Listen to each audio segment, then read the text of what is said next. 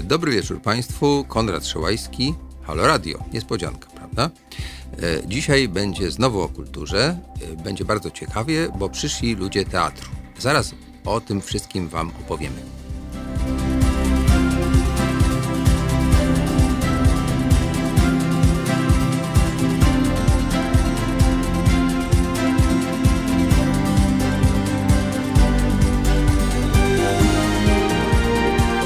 Halo Radio. Dobry wieczór, Konrad Szołajski raz jeszcze, Halo Radio. Dziękujemy Państwu za to, że nas słuchacie, a szczególnie, że nas wspieracie, bo to bardzo ważne, inaczej mojego pięknego głosu nie będziecie słyszeli, więc warto wspierać, prawda? Okej, okay, teraz tak, kto dzisiaj jest gościem? Mianowicie mamy aktorkę Kingę Ilgner. Dobry wieczór. Mamy y, krytyka teatralnego i kulinarnego, animatora kultury, a obecnie dyrektora artystycznego Teatru Polskiego w Poznaniu, Macieja Nowaka. Dobry wieczór. No i wreszcie mamy aktorkę, e, także z Teatru Narodowego, ale także aktywistkę organizującą e, aktorów, żeby bronili swojego stanu posiadania, bo znaleźli się w biedzie. E, Anna Grycewicz. Dobry wieczór. Proszę Państwa, y, ja jestem teatromanem. Ja do teatru chodzę jako widz i to od dawna. Ja tak długo chodzę, że wstyd to powiedzieć, bo ja nawet widziałem spektakle, które e, weszły do historii polskiego teatru. Pamiętam, że pojechałem do Wrocławia na Apokalipsis Configuris w latach 70. Pojechałem do Krakowa, żeby zobaczyć Dziady czy Noc listopadową. Tak? To dla pań to jest w ogóle opowieść o z książek. Z książek, tak, z podręcznika historii. E, tamten teatr mi się bardzo podobał i od tej pory do teatru chadzam. Ostatnimi czasy trochę mniej, bo po pierwsze, jak się robi filmy, to człowiek zajęty, po drugie, mieszkam na wsi i czasem trudno do miasta przyjechać. Niemniej teatr lubię i wiem, że teraz w teatrze jest problem, taki sam jak w różnych innych dziedzinach e, kultury, mianowicie lockdown spowodował, że teatry stanęły, aktorzy nie mogli grać i w zasadzie dalej trochę tak jest. E, I może zaczniemy od e, aktorki, która dzisiaj grała, więc e, z placu tak. boju. prosto ze sceny. Prosto ze sceny no, opowie, jak to właściwie jest dzisiaj grać, kiedy ten lockdown się troszeczkę rozluźnił, ale tak nie do końca. Aniu, opowiadaj. Tak, sami zastanawialiśmy się, czy w ogóle widzowie wrócą do nas. Natomiast wydaje mi się, że ludzie są tak przesiąknięci już siedzeniem przed, y, przed telewizorem, y, w komputerze, y, na różnych platformach, że jednak ci widzowie do nas wrócili.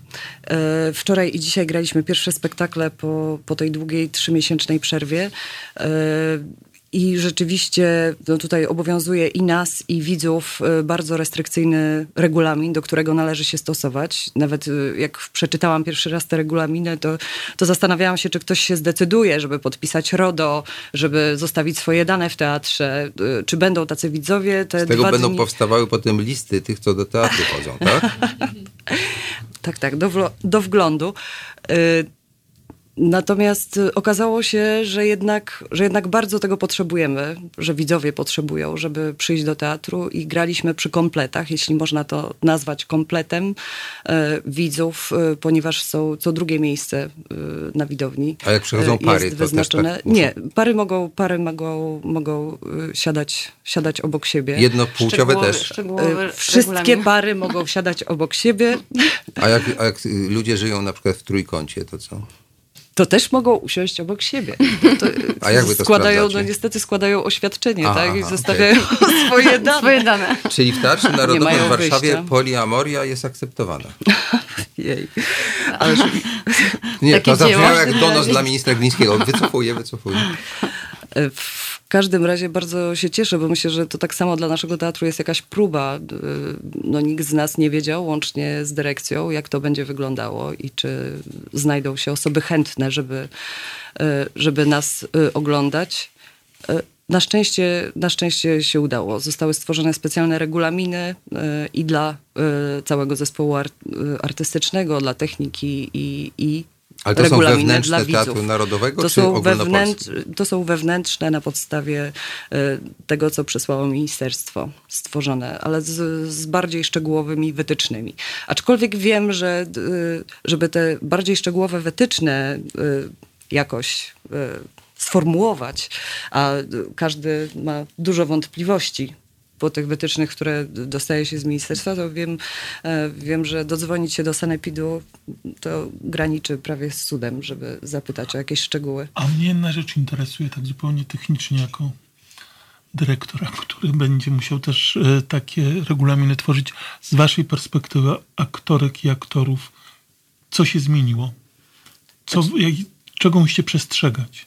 Znaczy przede wszystkim musimy przestrzegać e, o odległości, y, żeby nie dotykać czyichś rzeczy, y, żeby nie wchodzić na świeżo zdezynfekowane y, przestrzenie, że one mogą być użyte tylko raz. Aniu, a jak z, z, z graniem? Jak masz były sceny z, z partnerem bliskie, partnerką, to jak to było? Czy No nie, tutaj czy, musimy ufać tylko i wyłącznie sobie. No, w wytycznych też tak jest, y, jeśli chodzi o inne firmy y, czy, czy zakłady pracy, że y, czasem są takie sytuacje, kiedy, kiedy ludzie, do tutaj mówię o teatrze też jak o zakładzie pracy, takie sytuacje, kiedy, kiedy też maseczek nie trzeba nosić. I podejrzewam, że właśnie te e, Ale na przykład scenę wyreżyserowaną, kontaktową powiedzmy. Właśnie koledzy to- zagrali. Ja na szczęście nie miałam takiego bliskiego Ale kontaktu. ty dzisiaj grałaś taki aż- spektakl właśnie. E, tak, Tak. grałam, natomiast miałam Właśnie to taki. szczęście, że mogłam być na odległość półtora metra od kolegi. E, Ja miałam to szczęście. E, Natomiast rzeczywiście, słuchajcie, uczucie dla, grania dla publiczności w maskach, tak, bo wszyscy muszą siedzieć. e, Ale wy nie, wy nie macie masek. Nie, my nie mamy. e, Czyli to jest masek. inaczej niż w tym teatrze antycznym, tak? Teraz maski są po drugiej stronie. No właśnie to odwrócenie ról, szczególnie, że gdzieś ja też zaczynałam, najpierw studiowałam w, w, szkole lalkowej przez chwilę i później ten teatr w ogóle e, formy jest mi bardzo, bardzo bliski. Właśnie przez te dwa dni zaobserwowałam jakieś takie dziwne wyjście i spojrzenie w twarz publiczności. Właściwie nie wiadomo, jakie są reakcje, czy się widz do ciebie uśmiecha, czy się nie uśmiecha, e, że jakieś takie odwrócenie, odwrócenie nastąpiło. Ale jeśli chodzi o taki klimat, atmosferę, prawda? Bo aktorzy czują, jak publiczność reaguje. Czy, czy to przeszkadza ta maska, że nie czujecie tego? y, czujemy. Myślę, że jednak te reakcje są bardziej oszczędne. No ale też z racji tego, że, że widownia jest do połowy tylko wypełniona, no to myślę, że, że też to jest powodem. No, prze, przez to, że mnie nie zaprosiłaś, to nie zobaczyłem tego spektaklu. Zapraszałam. No, za późno. E, Wczoraj. E, jasne, ale Późną nocą. e, wolno klaskać? Y, Jak najbardziej. Gwizdać? Myślę, że Przez maseczki trudno, tak? widzowi niczego nie możemy zabronić, tak? To, to są naturalne re, reakcje.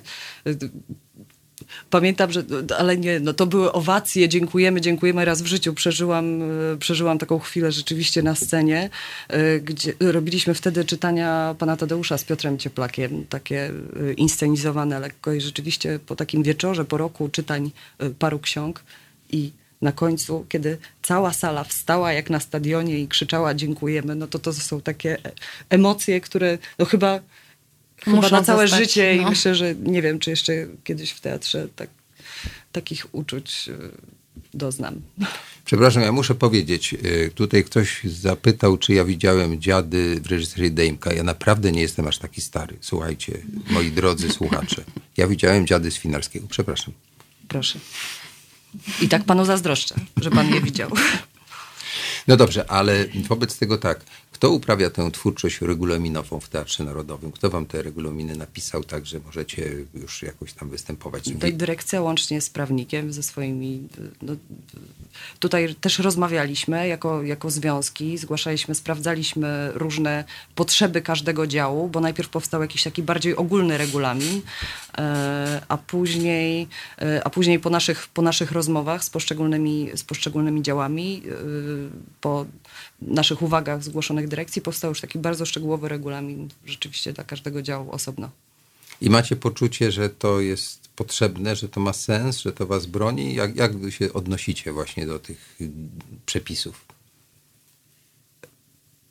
Tutaj akurat w trakcie tych dwóch spektakli rzeczywiście wszyscy bardzo się pilnowali y, nie wiem jak będzie dalej, wiadomo, że pracujemy na swoich emocjach. Nie wiem jak to, ale, ale widzę, że to ma sens. To rzeczywiście zespół uspokoiło, kiedy takie regulaminy powstały, bo najpierw były rozmowy na temat powrotu do prób y, do teatru. I tutaj najbardziej żeśmy się bali o naszych kolegów 60 plus, którzy, którzy no, jakaś nigdzie nie jest powiedziane, mnie, tak? nigdzie nie jest, nie, ale nigdzie nie jest powiedziane, nigdzie nie jest powiedziane, wszyscy mówią, że, to, że te osoby są w grupie naj, najwyższego ryzyka, natomiast nigdzie nie jest powiedziane, że te osoby nie, nie mogą przychodzić w takiej sytuacji do pracy. One też tak samo muszą przyjść do pracy, tak? To jest tylko dobra wola pracodawcy, y, mówię o innych zakładach.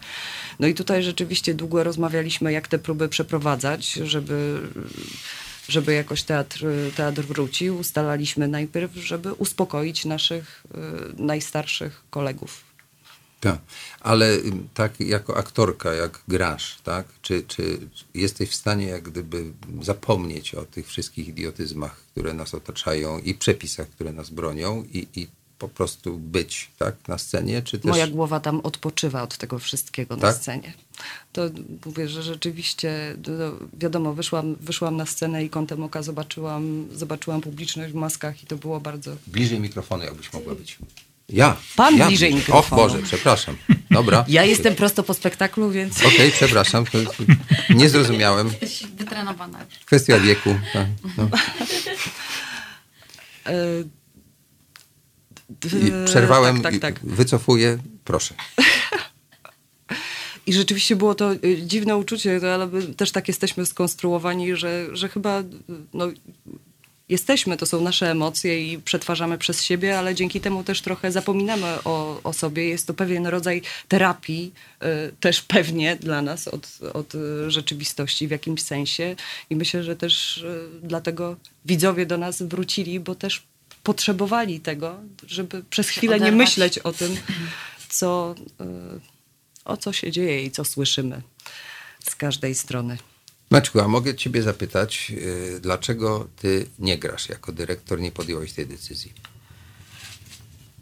Jest to rzecz bardzo smutna, przykra. Teatr niegrający jest e, sprzecznością samą w sobie. Szczególnie taki teatr, który od 150 lat gra regularnie w tym samym miejscu. Y, Teatr Polski w Poznaniu wybudowany prawie 150 lat temu przez publiczność poznańską, polską. Dla niej naród sobie, jak głosi dumne hasło na naszej fasadzie. I niewiele było takich momentów w przeszłości y, tego gmachu, żeby teatr zamilkł. Y, Podjęliśmy kilka tygodni temu rozmowę z koleżankami i kolegami na temat powrotu do prób, bo to jest u nas w tej chwili największy dramat, gdyż na 10 dni przed premierą, przed premierą przygotowaną przez Monikę Pęcikiewicz, wspaniałą reżyserkę, y, zawiesiliśmy próby do Nany y, Emila Zoli. Pierwsza w Polsce realizacja tej wspaniałej powieści opowiadającej o teatrze. Bo przypominam, że to jest historia, historia Na- Nana to jest e, gwiazda XIX-wiecznego paryskiego teatrzyku. Ale dość podejrzanej konduity, zdaje się, jeśli dobrze pamiętam. Y, Do, y, wielka artystka. Jak. Jak, tak. E, y, I ten, to, jak Zola opisał ten em, teatr varieté, bo tak on się nazywa w powieści, to jest dokładnie architektura, stosunki przestrzenne, y, rozkład garderób, kulisy, wszystko dokładnie tak jak w tym e, naszym teatrzyku. I bardzo się cieszyliśmy pracą nad tym e, przedstawieniem, bo można było opowiedzieć o tym, o tej bombonierce, jaką jest ta XIX-wieczna budowla. No i na te 10 dni przed, na, w, w tym przedstawieniu gra cały nasz zespół, wszyscy, wszyscy aktorzy, więc również wszystkie pokolenia, kilkoro e, koleżanek i kolegów e, gościnnych. I ten cały teatr miał ożyć, miała być, e, nie jest to może zbyt oryginalny pomysł, no ale zawsze robiący wrażenie na publiczności, odwro, od, odwrotna per- perspektywa.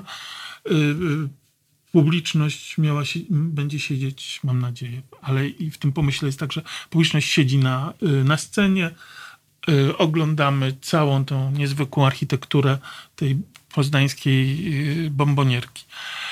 I, I nagle się okazało, że tego nie możemy zrobić. Bardzo, bardzo to ciążyło mi na sercu. I mniej więcej 2-3 tygodnie temu, trochę pod wpływem plotek, które przyszły z Teatru Narodowego, Wiem, wiem. że, Słyszałam że, że, że, że, wracacie do pracy, skoro e, e, matka i ojciec e, Polskiego Teatru, czyli Teatr Narodowy wraca, no to my, e, dzieci e, młodsze, też, cieszymy. też, się, chcemy. te, też chcemy. Też chcemy iść do pracy, tak jak, tak jak rodzice idą do pracy.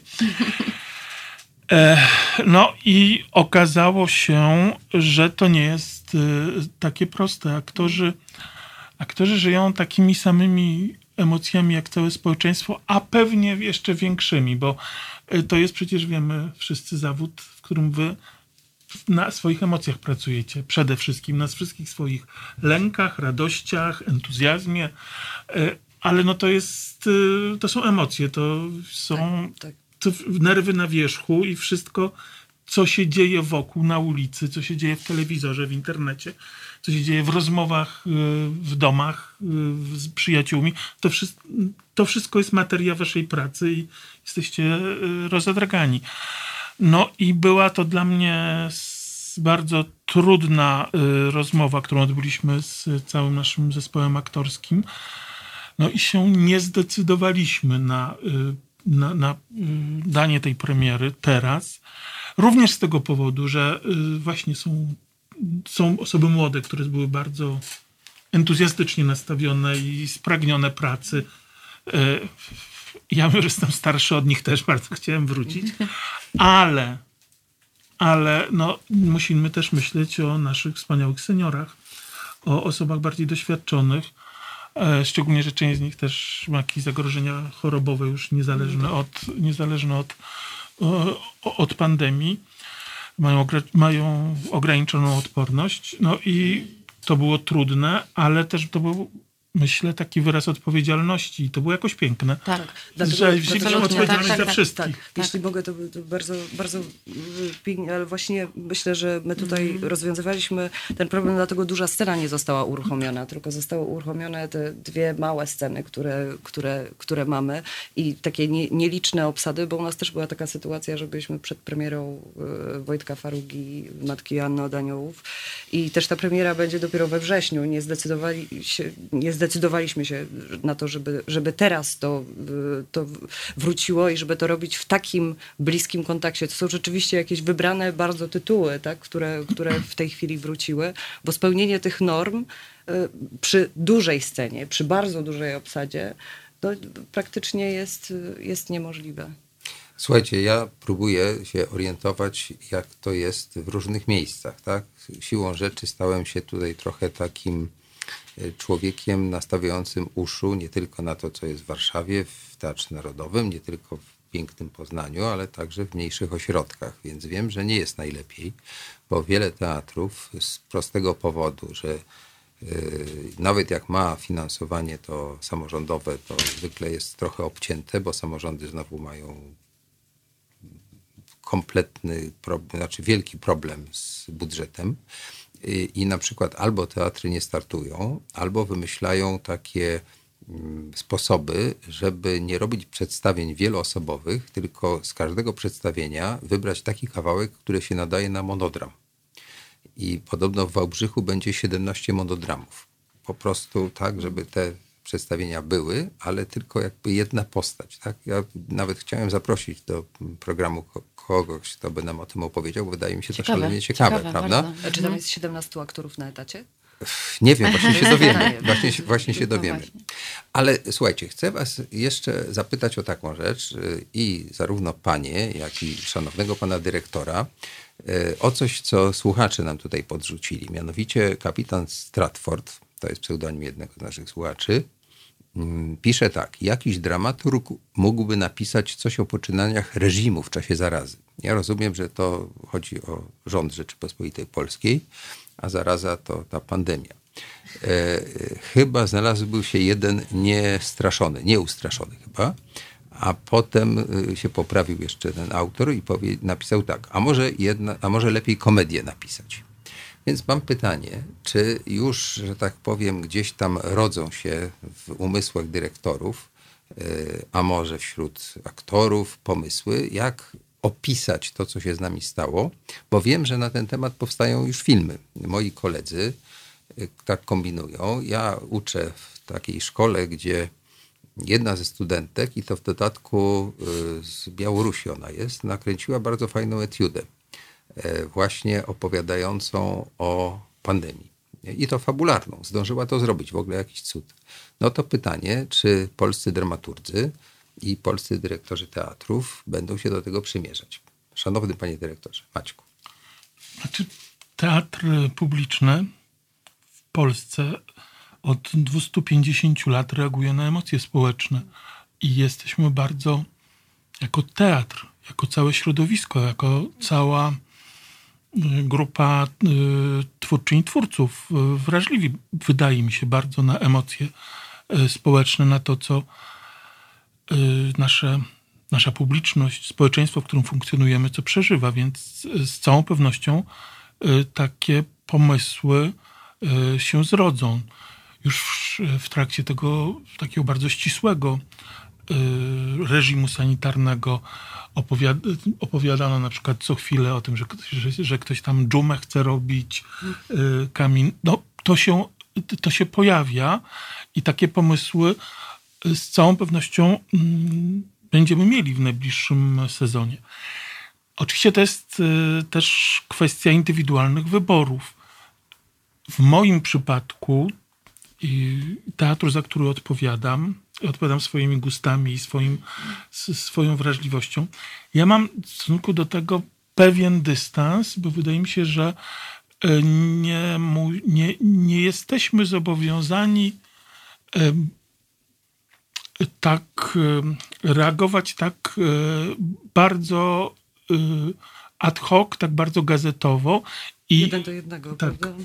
Znaczy, no, no po coś mamy tą latarnię magiczną, jaką jest teatr, e, żeby odnajdywać pewne tony e, bardziej ogólne, bardziej generalne. E, po to mamy te wielkie zasoby wspaniałej literatury dramatycznej, literatury w ogóle światowej, polskiej literatury, które też te, te utwory niosą lęki, o których, e, które my dzisiaj e, czujemy, bo przecież to nie jest tak, że to jest największa e, zaraza, która dotknęła świat, największe nieszczęście. Zarówno my jako twórcy, jak i nasza publiczność z podobnymi problemami jednak się konfrontowaliśmy w, w, na przestrzeni dziesięcioleci, na przestrzeni stuleci i świadectwa tych wszystkich lęków zostały zapisane w wielu wspaniałych y, utworach. I ja mam tak, to, to jest moje przekonanie i no, skoro na mnie spada odpowiedzialność za kształtowanie repertuaru teatru, akurat tego teatru, Teatru Polskiego w Poznaniu, no to ja to, to moje przekonanie y, chcę y, realizować i mnie się wydaje, że dzisiaj właśnie w tym momencie wielkiego rozedrgania, straszliwych emocji, które nami targają, od politycznych po zdrowotne, y, porozmaite lęki tego typu, y, musimy, ja uważam, że powinniśmy się zwrócić do mm, takich wielkich jakichś mitów kulturowych, do wielkich utworów. Raczej w tym kierunku chciałbym iść, co nie znaczy, że lekceważę to, co kiedyś nazywaliśmy z 10-15 lat temu 20 teatrem dokumentalnym. Sam to robiłem Szybki Teatr Miejski, wtedy, gdy byłem dyrektorem Teatru Wybrzeże y, w Gdańsku, y, furkotał bardzo y, szybko i, i Paweł Demirski pisał tak.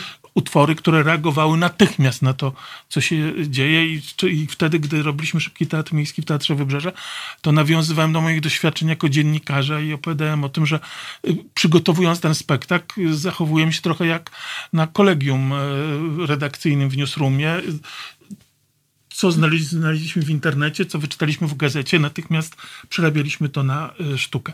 Mi się wydaje, że dzisiaj, gdy jesteśmy tak narażeni na tak straszliwe emocje i lęki, to wydaje mi się, że moglibyśmy się oprzeć bardziej na pewnych fundamentach jakichś mitów kulturowych i y, tradycji, co nie znaczy, że chcę iść w jakieś te trad, tradycjonalistyczne, ale, ale raczej w, w tym zasobie bym chciał dzisiaj mhm. y, szukać i dlatego, właśnie dlatego Nana mm, y, Zoli, która myślę, że teraz zabrzmi jeszcze, jeszcze mocniej niż to sobie wyobrażaliśmy przed pandemią. Ale na przykład z Wiktorem Bagińskim, takim młodym reżyserem, który właśnie kończy krakowską, krakowską Akademię Sztuk Teatralnych.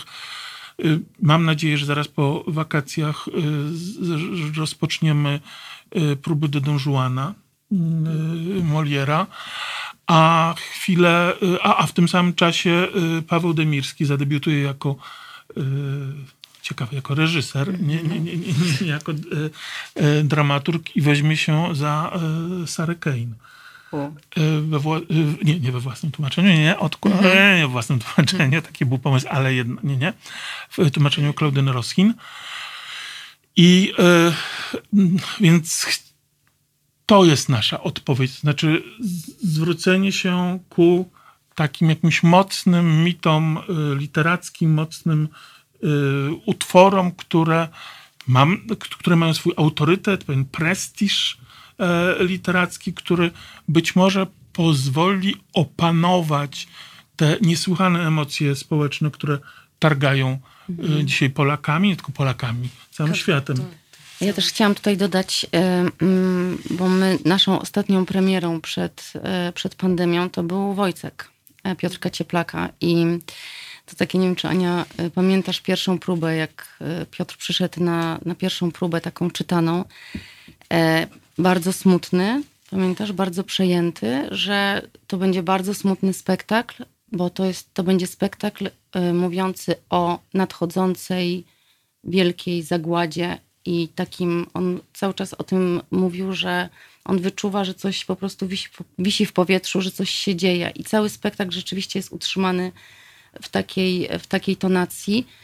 I to też jest dla mnie takie mm, gdzieś niezwykłe, że, że po prostu, że to jest premiera nasza ostatnia przed, nagle przed taką gigantyczną zmianą, tak? Bo, bo nie wiemy, czy to wszystko wróci, czy, znaczy, nie, nie wiemy, jak będzie, tak? Czy będziemy musieli szukać nowych form, właśnie, typu to, to, to co Konrad mówiłeś? E, czy wrócimy do, do tego, co było?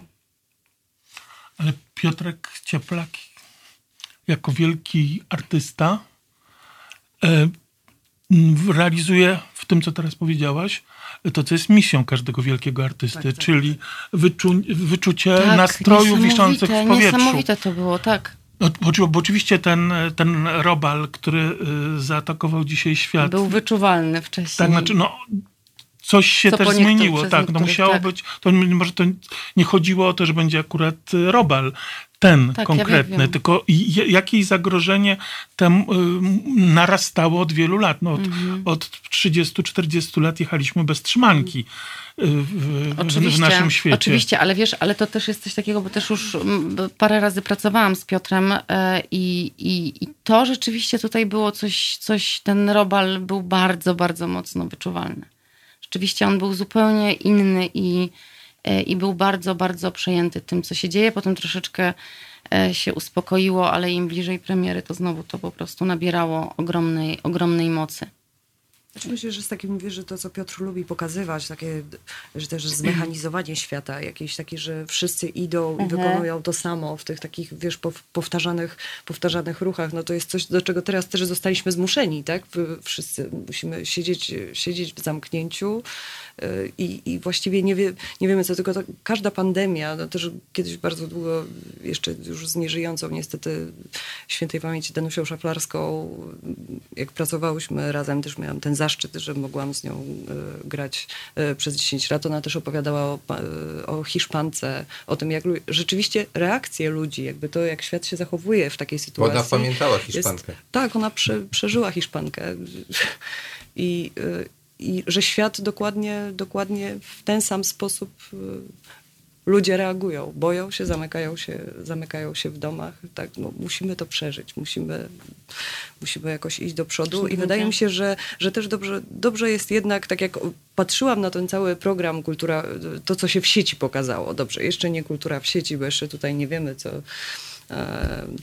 Co jakby, co, co, nam, co nam ludzie zaserwują, ale każdy teatr, nie wiem jak, jak u was, bo my też, my też do, z inicjatywy aktorskiej chcieliśmy coś do sieci dać znać naszym widzom, że jesteśmy i że, i że, i że e, pamiętamy. I też długo rozmawiając na ten temat e, z całym zespołem, e, stwierdziliśmy, że Jiku, że właśnie, że pójdźmy w coś, żeby na chwilę można było się oderwać mhm. od, y, od tego myślenia ciągle o tym. Wystarczy, że już mamy wiadomości, tak, że no, specyficzne e, bardzo są wiadomości. Wiadomości, jedne, drugie, trzecie, że tak, tak, tak, tutaj cały czas.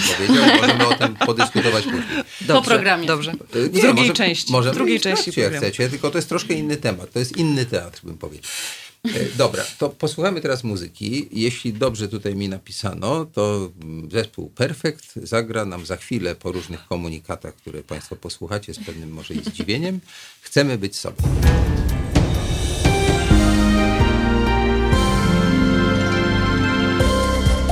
Halo Radio.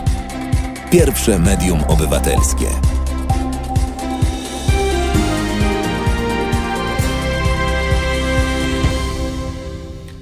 Dobry wieczór, Konrad Szołajski. To dla tych, którzy dopiero teraz się włączyli, niech żałują, że nie słyszeli tego, co było wcześniej. E, dzisiaj mamy fantastycznych gości. Po raz pierwszy od wielu tygodni, właściwie od kilku miesięcy spotykamy się w studio. To zupełnie inna rozmowa jest. Ja jednak wolę tak osobiście. Więc jest e, Kinga Ilgner. Dobry wieczór jeszcze raz. E, Maciej Nowak. Dobry wieczór. I Anna Grycewicz. Y, najpierw chciałem przypomnieć Państwu, że możecie do nas dzwonić. Widzę, że piszecie, ale można telefonować. To jest 22 39 059 22. I nasi goście są trochę rozczarowani. W czasie przerwy mi tutaj jak mówili, że jest dziwne, bo normalnie jak y, aktorki wychodzą z teatru, to oblegają tłumy i kwiaty. O nie, nie, nic takiego nie, takiego nie było. No ale w oczach to widziałem. W oczach, w oczach. To, w oczach to widziałem, więc zachęcam Państwa, bo można zadać różne pytania, nawet takie najbardziej, że tak powiem, prywatne, bo tutaj jesteśmy tak. już o tej porze, że tak można, prawda? E, I dzwońcie i pytajcie. E, więc zachęcam do tego, bo temat jest taki, że myślę, że każdy może o tym coś ciekawego powiedzieć, a także zadać właśnie pytanie. Teraz tak, ja chciałem przypomnieć, ja kiedyś studiowałem dawno, dawno temu polonistykę, że był taki Kajetan Koźmian. To był taki poeta, który pisał takie wzorowe wiersze y, oświeceniowe jeszcze, chociaż on w XIX wieku to robił. I napisał też taką książkę, tak, taki podręcznik, taki wzór, jak należy pisać. I y, potem był taki młody chłopak, trochę taki barbarzyńca, bym powiedział, na prowincji. On tam mieszkał daleko na wschodzie, nazywał się Adaś Mickiewicz. I on pisał jakieś takie nonsensy, ballady i romanse. A potem taki reportaż napisał, to się nazywało Dziady. Y, I on uważał, ten Mickiewicz, tak, taki był trochę praweniusz, że ten Koźmian to, to jest stara gwardia, że to takie jest nudne, no bo on się ciągle odwołuje do tej klasyki i tak dalej. A Mickiewicz uważał, że to nie trzeba czekać, aż się jak tytuń ucukruje, jak, nie, jak figa ucukruje, jak tytuń uleży, tylko trzeba od razu tym reportażem jechać i opowiedzieć o tym powstaniu listopadowym niedługo po tym, jak na nie nie pojechał zresztą, notabene, zatrzymał się w Poznańskim. To było ciekawe, tak? W pewnym sensie jesteśmy w Poznaniu. W pewnym sensie Słowacki też tak zrobił, bo Kordian też jest takim jakby reportażem z tamtego czasu. Więc nawet ci nasi klasycy, no bo ja mówię przecież o tych, których potem uznano za tych naszych wieszczy, tak? A kto to dzisiaj pamięta o Kajetanie Koźmianie? To czy przypadkiem to nie jest tak, że na przykład Piotr Cieplak, o którym tutaj była mowa, który kiedyś zrobił fantastyczną historię o chwalebnym zmartwychwstaniu pańskim, nie powinien zostać zainspirowany przez biskupa Długosza, który porównał e, Mateusza Morawieckiego do Mateusza tak, do ewangelisty. ewangelisty. i Łukasza Szumowskiego do Drugiego. ewangelisty Łukasza, sugerując, że w zasadzie można połączyć to Pismo Święte z dzisiejszymi czasami i stworzyć taki piękny dramat religijno-polityczno-społeczny Co pan, panie dyrektorze, na to? Czy by pan na takie coś poszedł? Ja zawsze szukam e, jakichś fajnych e, inspiracji, zaskakujących, e, nieoczywistych. Jeżeli Mateusz Morawiecki by wykazał chęć stworzenia scenariusza, to ja myślę, że waga tego nazwiska mógł, sprawiłaby, żebyśmy to chyba wzięli pod uwagę. Mogłaby przyciągnąć widzów. Tak. No, z całą pewnością. E, na pewno teatr jest y, przestrzenią, która powinna skupiać pomysły nieoczywiste. E, pomysły, które otwierają głowy publiczności, współpracownikom, artystom, opinii publicznej. E, ja jestem gotów na każdy przekonywujący pomysł. No ale też podjęcie ostatecznie decyzji o rozpoczęciu e, prób e, to nie, też nie, nie, e, nie skupia się wyłącznie w dyrektorze. A może najmniej w dyrektorze, bo w końcu ja nie jestem artystą, ja jestem tylko zawiadowcą na tej stacji. Do tego trzeba przekonać artystki, artystów, do tego trzeba znaleźć wspaniałego reżysera, reżyserkę. No to jest y, wielkie przedsięwzięcie, by wykreować nowy świat. Y, bo to tak, bo się wkreuje świat. To sugerujesz, że to Radio Nowy Świat to jest taka forma nowa. A jest takie jeszcze radio? No niedługo Stało, będzie, tak, taka fajna konkurencja a, w stosunku tak, do naszego to, A, mi się pomyliło z, Ale przepraszam, z gazetą. tutaj reklamujecie? Tak, ja uwielbiam trójkę, znaczy uwielbiałem w latach 70. Jestem bardzo ciekaw. Im więcej takich kwiatów, tym lepiej, prawda? Ale y, czy na przykład, gdyby panowie Morawiecki i y, Łukasz y, Szumowski przyszli do teatru, to oni mieliby kłopot, bo ta rozdzielność majątkowa powoduje, że nie mogliby z żonami razem siedzieć chyba, prawda? Bo, czy, jak to jest? Wy sprawdzacie wtedy? Czy, jakie te małżeństwa są, jak żyją ze sobą? Aniu. Nie, nie, naprawdę wydaje mi się, że tutaj widzowie sami deklarują tak i aż tak dokładnie nie jest to sprawdzane. W razie, gdyby no, coś rzeczywiście się, się stało, ktoś okazał się, że, że, że był chory czy coś, no to myślę, że to wcześniej czy później zostałoby sprawdzone. Tak, ale myślę, że taki dramat, może taka komediodramat trochę o tej rozdzielności majątkowej, o tych maseczkach, o tych różnych rzeczach, to by widzowie chcieli takie coś zobaczyć, prawda? Jakby ten facet z Zakopanego wystąpił, ten, ten taki narciarz, co tam te maseczki nam kupował i tak dalej. Konrad, tego będzie tak dużo, jak się uda. To sensie, trochę kabaret, że tak? nie będzie tak dużo tych tematów, bo to przecież musi gdzieś eksplodować to, co w ludziach siedzi, więc to na pewno po prostu nas zaleje i będziemy mieli jeszcze tego wszystkiego dosyć. Jeśli Poza tym oferta ka... jesteśmy brani. Nie, ale, ale, oferta kabaretowa jest ogromna i, i tutaj no nasz, y, nasi partnerzy, którzy zajmują się stand-upami. Och, będą mieli absolutnie pożywkę. Trochę, Już mają na pewno. To mi się wydaje, że trochę nasza rola jest troszeczkę inna. Tak. Przy, tak. Y, a ten, ta przestrzeń jest doskonale zagospodarowana przez fachowców. Tak.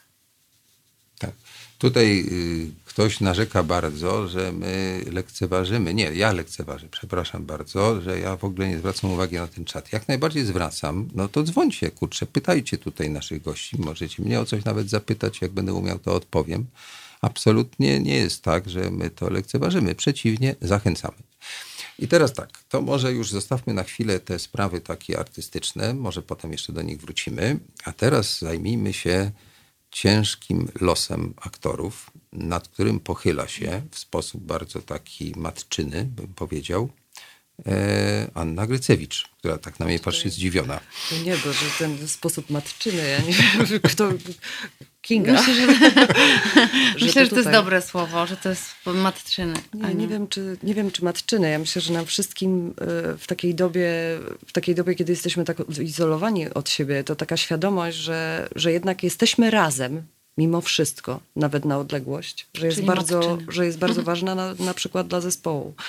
I rzeczywiście tutaj My mamy też związek zawodowy u nas, u nas w teatrze i oczywiście od samego początku no, założyliśmy go e, na, na samym początku pandemii, e, po to, żeby rozmawiać z dyrekcją właśnie, żeby, żeby nikt nie musiał robić tego e, osobiście, E, I wydaje mi się, że, y, że to jest bardzo ważne, bo y, tak jak ludzie do mnie później, później dzwonią i mówią i dziękują, że ktoś o nich pomyślał, że, y, że wreszcie czują jakąś taką jeszcze dodatkową siłę zespołu, bo my jesteśmy dość zgranym zespołem, uważam, jeśli chodzi o nasz zespół akurat. Natomiast tutaj taką szczególną, szczególną więź znaleźliśmy. No wiadomo, że od samego początku, no nie wiem, jesteśmy oczywiście w Teatrze Narodowym, ale mamy dużo półetatowców. Osób, które, y, pamiętajmy, że y, jeśli aktor nie gra, to, y, y, no to naszą podstawową, podstawowym zarobkiem, no to są spektakle, które gramy w teatrze, a nie nasze pensje, e, pensje zasadnicze. Ale jeśli nie gramy, to jeszcze tracimy też prawo do ulgi podatkowej i jeszcze nasze pensje są e, obcinane. E, mamy też sporo półetatowców w naszym teatrze i, no i od tego się nasza działalność też zaczęła, żeby, żeby rozmawiać i żeby spróbować tym osobom przede wszystkim pomóc. No dobra, jaki jest wasz program? Tutaj Karol Marx, Fryderyk Engels, czy kto? Czy Jan Englert.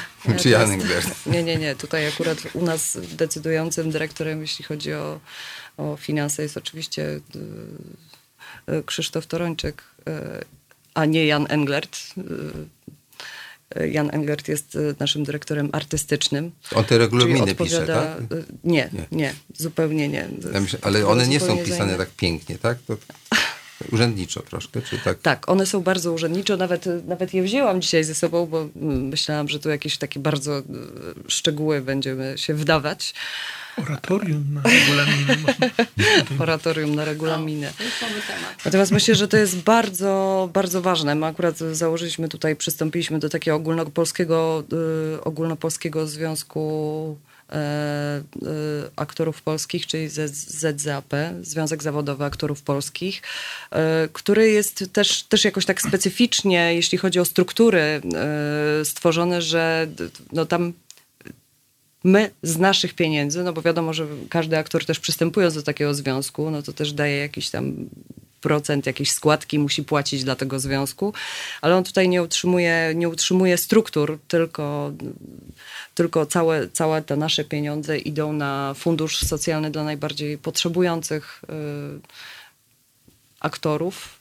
No i wydaje mi się to takie zgodne z tym, jak powinniśmy w tym czasie pandemii postępować, czyli pomagać tym, którzy mają gorzej, gorzej od nas. Tak, ale co, czego spodziewacie się? To znaczy, jaki jest wasz plan maksimum? Jakbyście mogli ułożyć te klocki tak, jak wam się marzy? Czy szukamy przede wszystkim wspólnych rozwiązań y, z dyrekcją, tak? My nie mamy jakichś pro problemów. Ja oczywiście też śledzę, jak to jest w innych teatrach w Polsce i rzeczywiście różne... Y, u nas dyrektor do nas wyciągnął rękę, więc... Y, po pieniądze? Po, po naszych...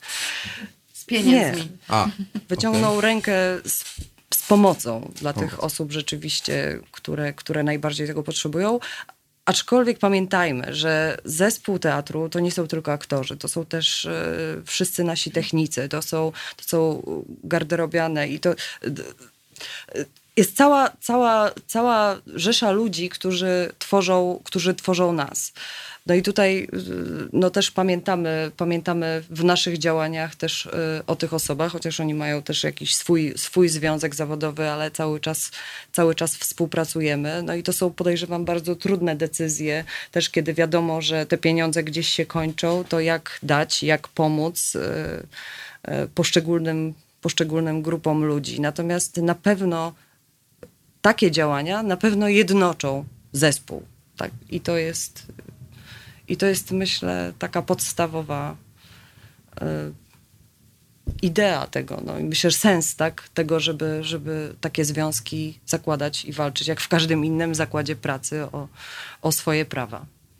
No tak, ale czy, bo gdzieś tam na końcu chodzi o pieniądze, prawda?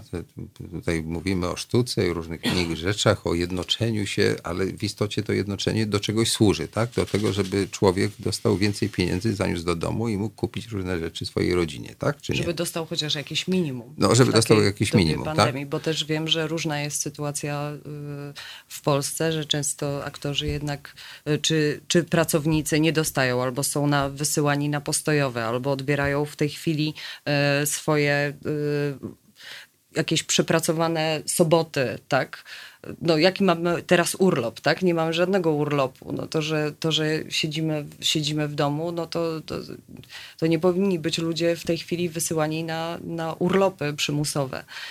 E, no to są takie tak, tak, ale mi chodzi po prostu o Pan to. chce, żebym ja przedstawiła plan po prostu jakiś... Ostatnio byliśmy po imieniu, a teraz już widzę, że dystansujesz. Jak nie, ja nie, nie. To, zadaję tutaj, ci trudne pytania. Jak to powiedział mój dyrektor, kiedy rozmawiamy o pieniądzach, przechodzimy na pan, pani. Wiesz, to możesz do mnie mówić, pani profesorze, jak moi studenci, ale mnie chodzi po prostu o to, y, czy macie jakiś taki scenariusz, bo za chwilę zapytam o to dyrektora. Dyrektor na pewno ma tutaj teczkę, w tej teczce ma tam w ogóle cały plan. Ale czy wy macie pewną wizję taką, że gdybyście mogli wpłynąć na, bo ja wiem, nie tylko waszego dyrektora, ale ministra kultury, tak, który wam daje pieniądze, bo Teatr Narodowy jest na utrzymaniu Ministerstwa Kultury no to czy byście, gdyby on był taki, że tutaj by przyszedł, tutaj by usiadł koło mnie i powiedział, droga pani, no to co, czego by pani ode mnie oczekiwała, tak? Bo parę tygodni temu, w marcu, tutaj wystąpił pan wicepremier, minister kultury Piotr Gliński. No to teraz jest szansa, może nas słucha. No to powiedz panu ministrowi, czego byś od niego chciała. To przede wszystkim, żeby, żeby rzeczywiście jeszcze raz to wszystko, to wszystko dobrze przemyślał. To znaczy tak, może zaczynając od tego. Kultura, y, my jako y, rzeczywiście jesteśmy, jesteśmy teatrem ministerialnym, dlatego mówiłam ci, że powinieneś też kogoś z samorządowego teatru tutaj, A tutaj już zaprosić, żeby... i będziemy jeszcze mieli, spokojnie. Aha.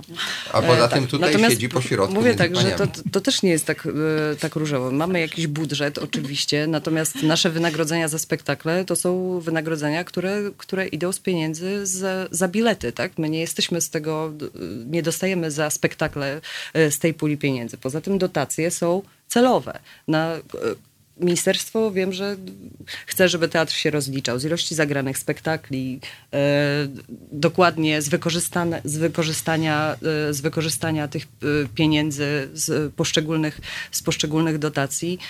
Ja tutaj może nie chciała mówić o, o moim teatrze, tylko w ogóle po prostu o tych wszystkich, o tych wszystkich programach, tak? No bo e, też za bardzo nie wiem, na jakiej, na jakiej zasadzie y, były przyznawane te środki na kultura w sieci. Ja się oczywiście cieszę, że. A o tym że część jeszcze porozmawiamy. Tak, To o tym chwilę. jeszcze sobie po- porozmawiamy. Natomiast myślę, myślę sobie, że perspektywą my jako.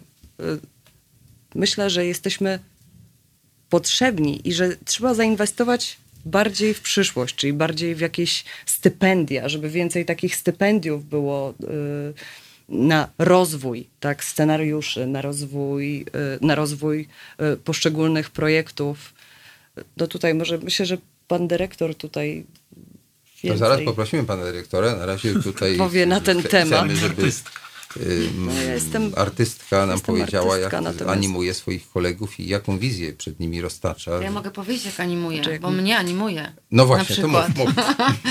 No nie, no jest po prostu tutaj tak osobą e, absolutnie e, oddaną i tak e, właśnie matczyną, ponieważ no my jako e, artyści em, no, no nie wszyscy mają takie po prostu e, takie talenty jak Anna, że po prostu, że, że, że, że śledzą rzeczywiście, że, że, że sprawdzają i tak dalej, i tak dalej.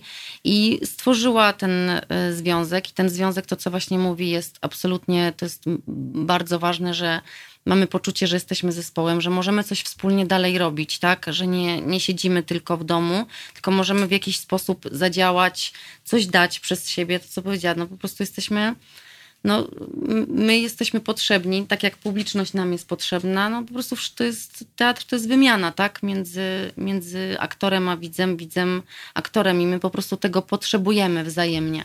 Więc on, ta pani to, to nam tutaj stworzyła, dała i, i, i to gdzieś dalej płynie, tylko no oby, oby to się wszystko... mm, Znaczy zobaczymy. Ta, y, y, dziękuję ci Kinia bardzo, bo to wiesz, bardzo miłe wszystko, wszystko co mówisz.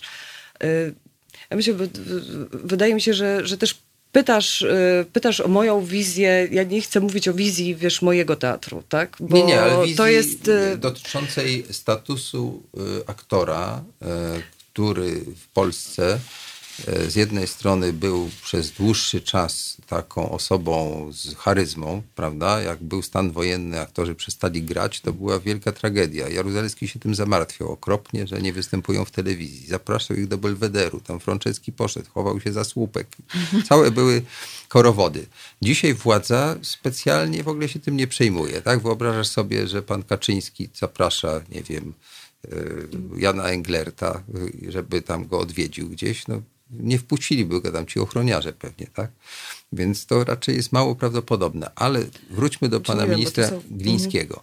Czy gdyby, tak jak gdyby fantazjować. Jak można by poprawić los aktorów, tak? Czy na przykład, tak? Jak Czy przede się... wszystkim, wiesz, że czekamy bardzo długo na, y, już dwa lata trwają prace nad, y, nad tą ustawą o statucie artysty zawodowego i wydaje mi się, że, że tutaj też są duże oczekiwania. Mam no jakie? Dużo, Właśnie jakie? Mam dużo, no, dużo no, kolegów, ale wiesz, kon- które konkretnie. Wreszcie, no, konkrety.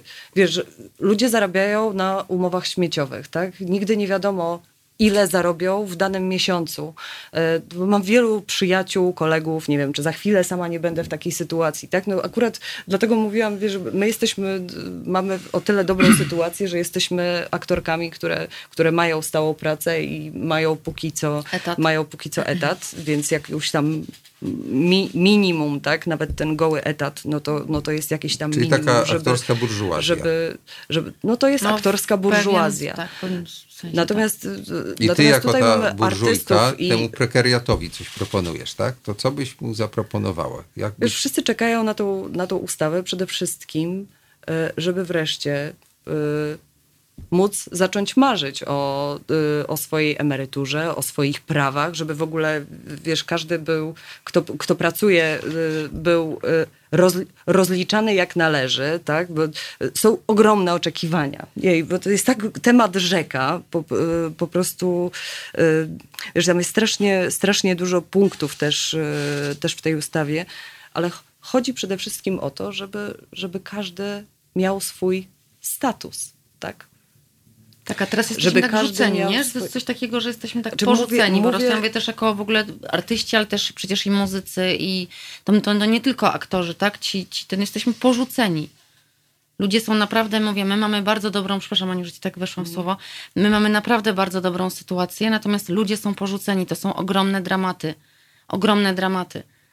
Więc, Jasne. Słuchajcie, to wrócimy jeszcze do tego wątku, bo on jest dosyć istotny, czy nawet bardzo istotny. A teraz znaczący tytuł piosenki za ostatni grosz. Budka suflera. Halo Radio. Gadamy i trochę gramy.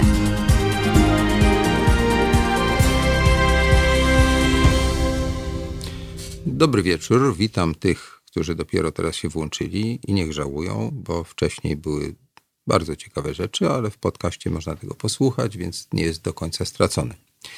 E, bardzo dziękuję wszystkim tym, którzy e, zgodnie z tą piosenką za ostatni grosz dzielą się z nami z tymi swoimi ostatnimi groszami, bo radio dzięki Wam istnieje. Jeśli dalej chcecie słuchać takich fajnych ludzi, jak tu dzisiaj przyszli, no to musicie nam pomóc. A wszystkie dane są na stronie i wiecie, jak to się robi. Teraz przypominam, że możecie do nas pisać. Ja czasem nawet próbuję to czytać, ale tu tak ciekawie mówią, że nie zawsze mogę patrzeć na monitor, bo tutaj naprawdę jest atrakcyjnie. Możecie do nas dzwonić, to jest łatwiej, bo wtedy będzie tak, że panie czy pan dyrektor będą odpowiadali. Y, ja bym chciał, zanim zaczniemy tutaj zbawiać e, teatr, zapytać tak z głupia frant, czy przedstawiciele władz politycznych chodzą do teatru. Czy widzicie czasem premiera, ministra kultury, albo nawet jakiegoś urzędnika, czy panią jakąś minister, no bo przecież jak gracie... Widzimy, to... są zapraszani Nie da się, nie da się nie zauważyć. No, u nas jako, jako placówka ministerialna no, wszyscy zawsze są zaproszeni. Nie wszyscy korzystają z tego zaproszenia, co A kto korzysta? widać. No to zależy na której premierze. No ale tak, na... bo może ci, co korzystają, to do nich trzeba te postulaty i te uniżone petycje kierować, żeby pomogli. Może to jest metoda. To, no to kto jest takim teatromanem, co lubi chodzić i oglądać te spektakle wasze? No wiesz, no z nami jest tak, że my się po prostu y, skupiamy na tym, co mamy tam grać, a nie tam kto, kto jest wśród publiczności.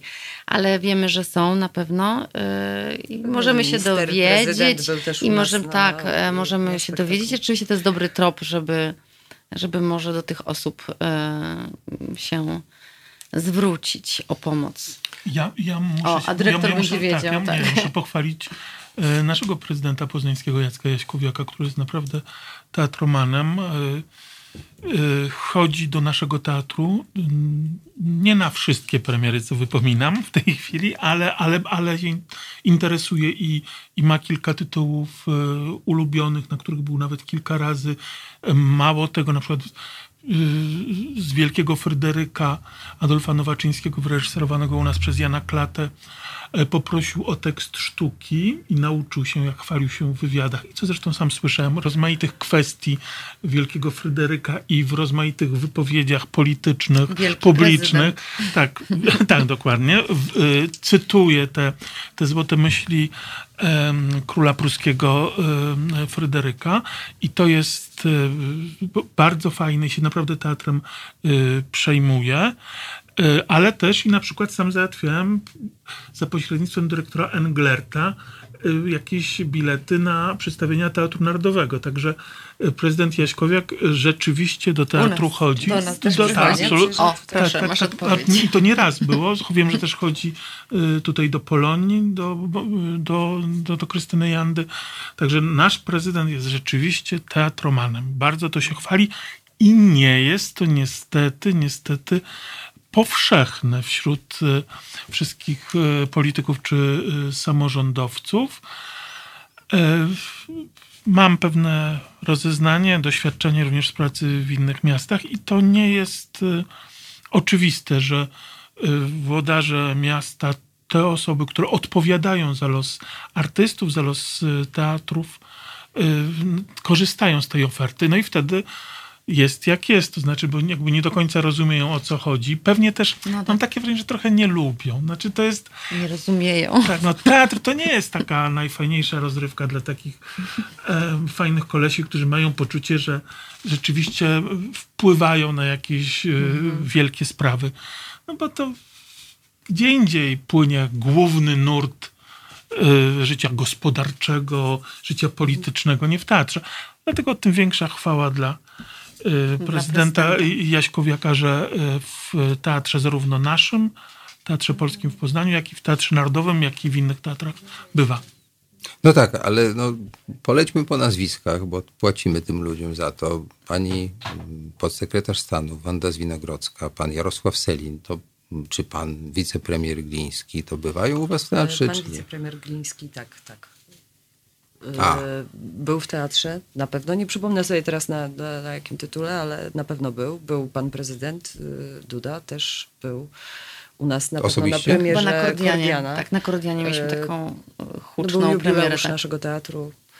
I był, były władze wtedy. Ja Świetnie. na pewno będę bronił też Wandy Zwinogrodzkiej, y, bo ona jest już teatrolożką, jest Ale absolwentką Wydziału Wiedzy o Teatrze. nie ma co bronić, bo ja zadałem tylko pytanie, tylko to nie, nie, nie Wanda- krytykowałem, nie śmiałem. Wanda nawet. Zwinogrodzka y, to jest też w zakresie chyba jej y, obowiązków Tak, tak, podstawowych, tak. ale, ale y, w teatrze bywa i, na, i ma, na pewno ma wyrazisty pogląd na temat y, tego, co się w teatrze dzieje, co jest bardzo, bardzo ważne. Tak, Dobrze, słuchajcie, ważne. ktoś do nas dzwoni, prawdopodobnie dostaniecie interesujące pytanie. Słuchamy. Halo? E, Dobry wieczór. Nie wiem, czy mnie dobrze słychać, bo ja was słabo słyszę, ale postaram się Czy to Piotr? starcie. Poznaję po Tak, głosie. to Katowice, przepraszam. Nie przedstawiłem się. Y, Mój, mój błąd, przepraszam, przepraszam. E, y, Ja, ja chciałem powiedzieć tak w ten sposób. Y, Na samym początku powiem to, co jest według mnie takim pewnym, pewną bazą do, do wszelkiej rozmowy o kulturze, y, to jest to, że my jesteśmy takim biednym krajem, w którym nadal większość, znakomita większość społeczeństwa, bo rozmawiacie Państwo o pewnym e, wąskim gronie, w sumie wąskim gronie mieszkańców tej ziemi, którzy korzystają z, korzystają z kultury. E, Kultury masowe, masowej nie mówię, mówię o kulturze troszeczkę bardziej ambitnej. E, jesteśmy krajem, w którym naprawdę y, teatr jest czymś, co traktuje się no tak trochę jak dziwadło. I to jest smutne, to jest przerażające. Myśmy mieli w szkole średniej takie, w planie szkoły średniej, mieliśmy coś takiego jak obowiązkowe wyjścia do teatrów w szkole średniej. To nie było tak, że nam y, powiedziano, słuchajcie, możecie sobie pójść, albo nie, nie, bo pojechaliśmy nawet do Narodowego do Warszawy na balladynę. I chyba to był drugi spektakl balladyny i y, nasi nauczyciele potrafili tam znaleźć dla nas miejsce. Klasa miała 30 osób. Dało się. Czy to był to, ten spektakl Honoszkiewicza z Hondami, czy to była jakaś inna inscenizacja? Proszę, proszę, bo ja... Późniejsza chyba. Czy pamiętasz, y, jak to było zrobione? Czy tam na Hondach wjeżdżały te postaci? Tak, tak, tak. To był, mówię, drugi albo trzeci spektakl. To był sam początek. To był sam początek, bardzo niedługo po premierze. I wtedy się dało y, ze szkoły średniej y, z Katowic zawieźć klasę do Warszawy po to tylko, żeby baladynę zobaczyć. Skutek jest taki, że większość z tych ludzi, których ja jeszcze mam kontakt, po prostu z kulturą, i tu powiem o dużym K, y, ma bezpośredni kontakt, czy to osobiście, czy też poprzez udział. No i teraz przechodzimy do drugiego etapu mojej, mojej krótkiej, mam nadzieję, rozmowy z Wami, y, mianowicie tego, że y, element taki jak kultura, to co kiedyś Churchill powiedział, elementem budżetu być musi. Każdego. Churchill potrafił to zauważyć w czasie wojny. No, no cóż, no, co ja mam teraz więcej powiedzieć? Sami widzicie i słuchający i będący w studio, że wówczas to pojmowano troszeczkę inaczej, no bo o co my walczymy, tak? Po co my napinamy te mięśnie? No po co? O co? No co, o, o, o 500 plusy? No dajmy sobie spokój. To jest śmieszne. Ja wiem, że to przemawia do ludu tej ziemi, tak, bo lud tej ziemi jest mocno, mocno zubożały z, z różnych powodów, no ale to nie pozwala przecież w patrzeniu dłużej niż koniec y, kadencji na myślenie tak krótkowzroczne. I dlatego boli mnie, że panie muszą, czy państwo musicie y, w jakiś sposób y, walczyć o godziwe warunki wynagrodzeń, chociaż wiem, że w skali świata nie jest to zjawisko powszechne, żeby mm, kultura była, e, jakby to powiedzieć, stabilnie finansowana. Znakomita większość kultury chyba jednak nie żyje z finansowania e, stabilnego, żyje z finansowania doraźnego. No, poza być może takimi samorządami jak Poznański. Chwała, chwała Jaśkowakowi. To większość samorządów chyba słabo na ten temat. Nawet bym widział bardziej tutaj samorządy wydające na wycinanie drzew niż na dokładanie do kultury. Y, I chciałem na koniec powiedzieć w ten sposób, że ogromnie cenię każdy wasz wysiłek, każdy wasz występ. Jak tylko mam okazję, y, uczestniczę we spektaklach, a y, w chwili obecnej z racji stanu zdrowia no, muszę uczestniczyć zdalnie, no ale się staram. Hmm. Dziękuję. Dziękujemy bardzo. bardzo. Dziękujemy bardzo.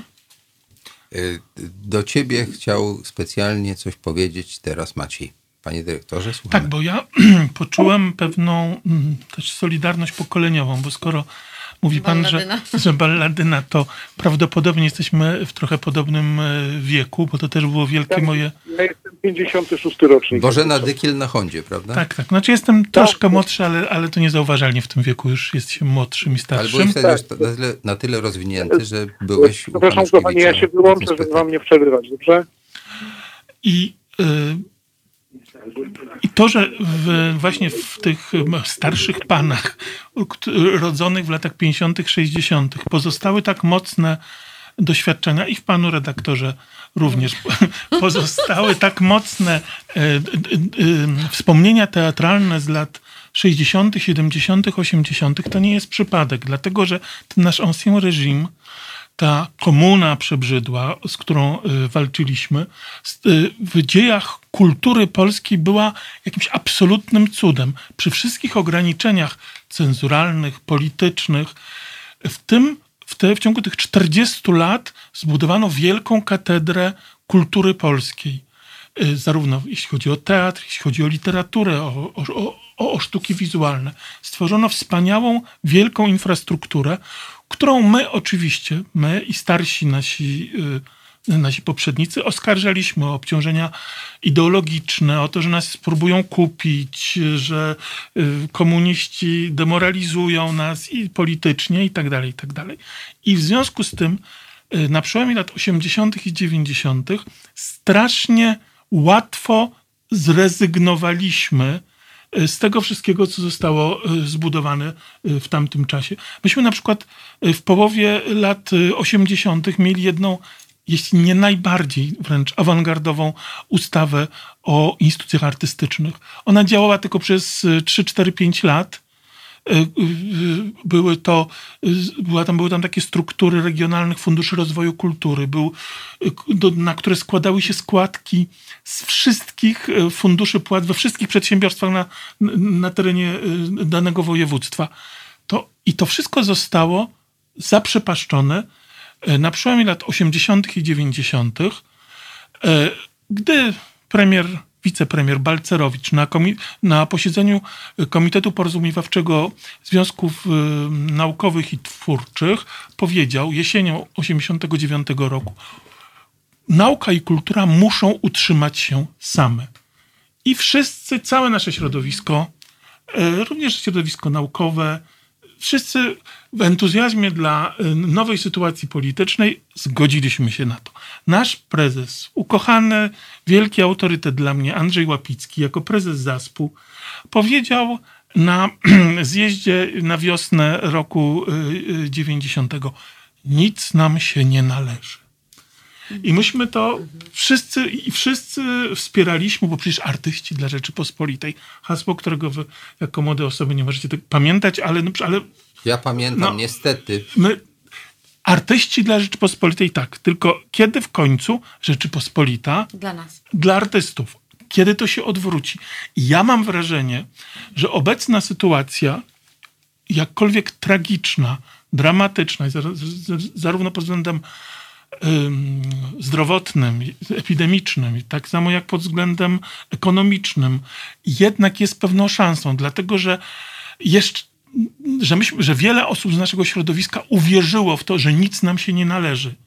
Ja, ja y, jeszcze, jeszcze pół roku temu naprawdę przekonywałem, musiałem przekonywać część młodych y, koleżanek i kolegów, którym proponowałem pracę na etacie w teatrze, nie byli za bardzo zainteresowani, no bo co, na prowincji, w teatrze, z dala od telewizji, z dala od filmu, na niezbyt wysokiej pensji, zawsze fajniej e, te warszawskie rozmaite e, joby e, tutaj łapać. łapać, pilnować. Sytuacja jest nie, może niestabilna, ale jakoś się udawało przez 30 lat.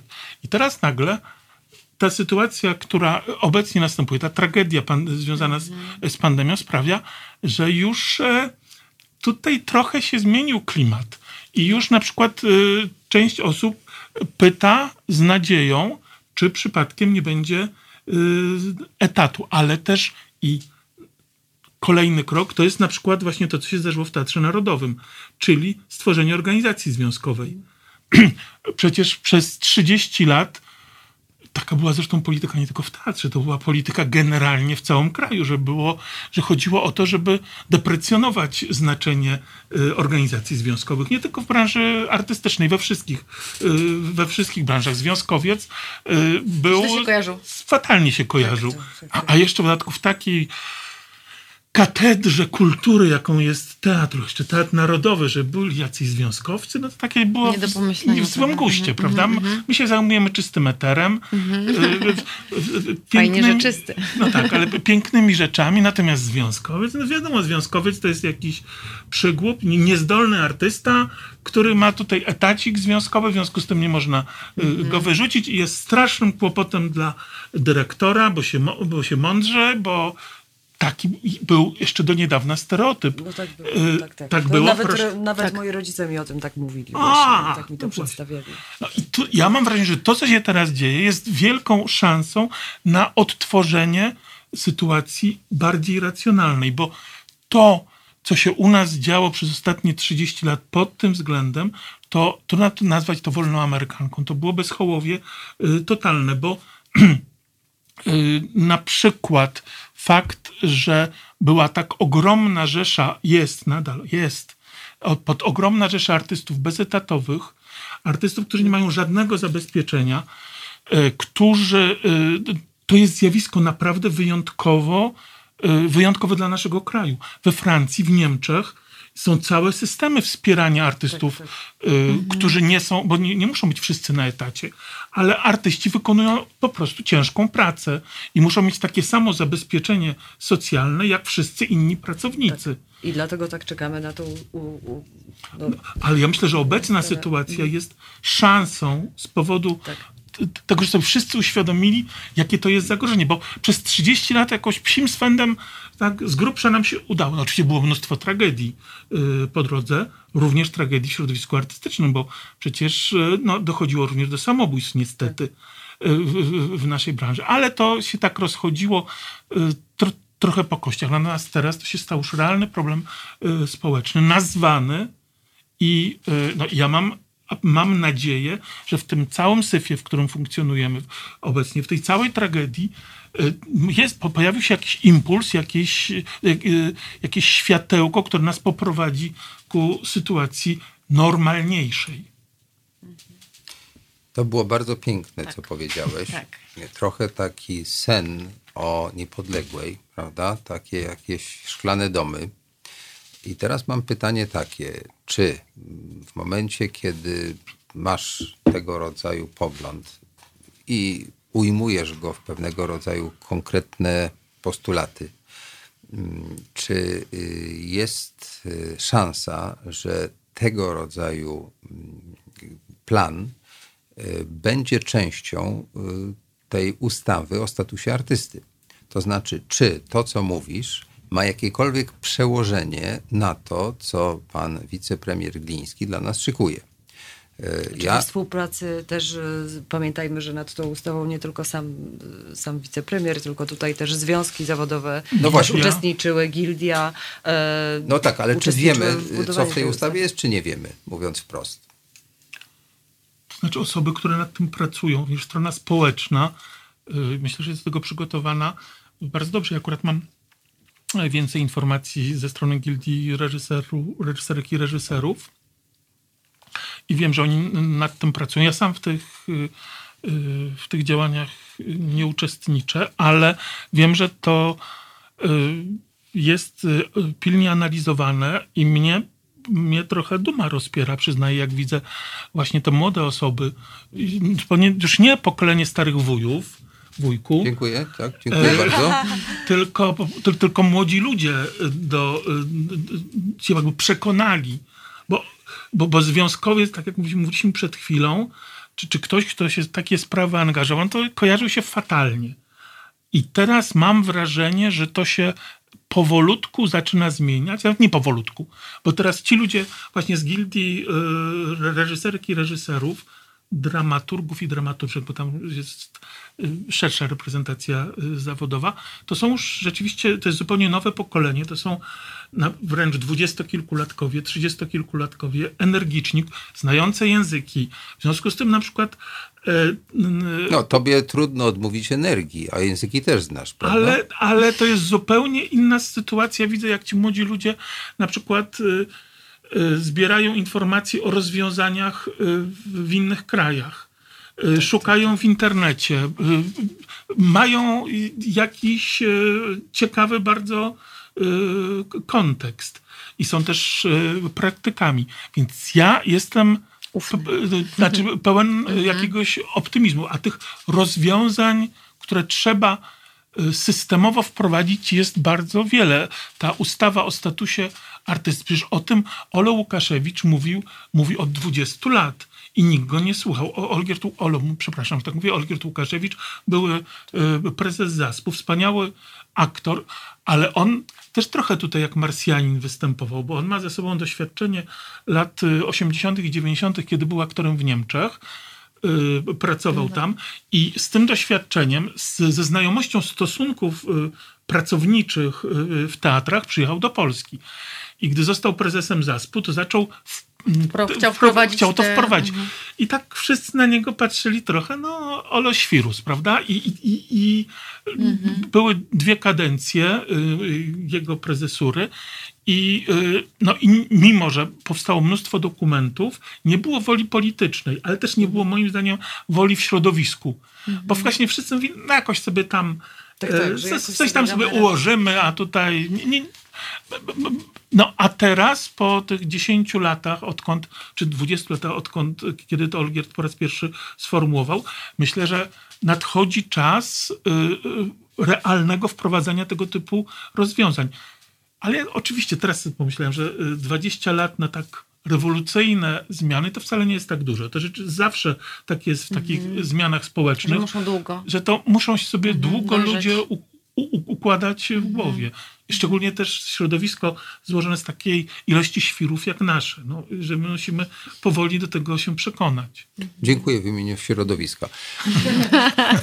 Ale chciałem zadać pytanie, które mnie samego tak troszeczkę dręczy, a widzę, że tutaj nasi słuchacze też mają tego rodzaju niepokoje. Mianowicie, jak się pierwszy raz e, gdzieś pojawiła ta idea mm, w czasie kadencji obecnego ministra kultury, e, to były takie podejrzenia, że ta ustawa też jednocześnie będzie takim rodzajem e, weryfikacji artystów pod jakimś kątem, tak? I teraz pytanie, jaki będzie ten kąt? Dlatego, że e, dzisiaj wydaje się, że pandemia spowodowała, że pewne, nazwijmy to, konflikty, e, aczkolwiek idą wybory i trudno przed tym uciec, w kulturze być może będą nieco mniej znaczące. Aczkolwiek potem jeszcze może porozmawiamy o tych pieniądzach, które dla artystów ministerstwo przekazało i tutaj niestety nie jest to aż tak wspaniale, jakby się wydawało.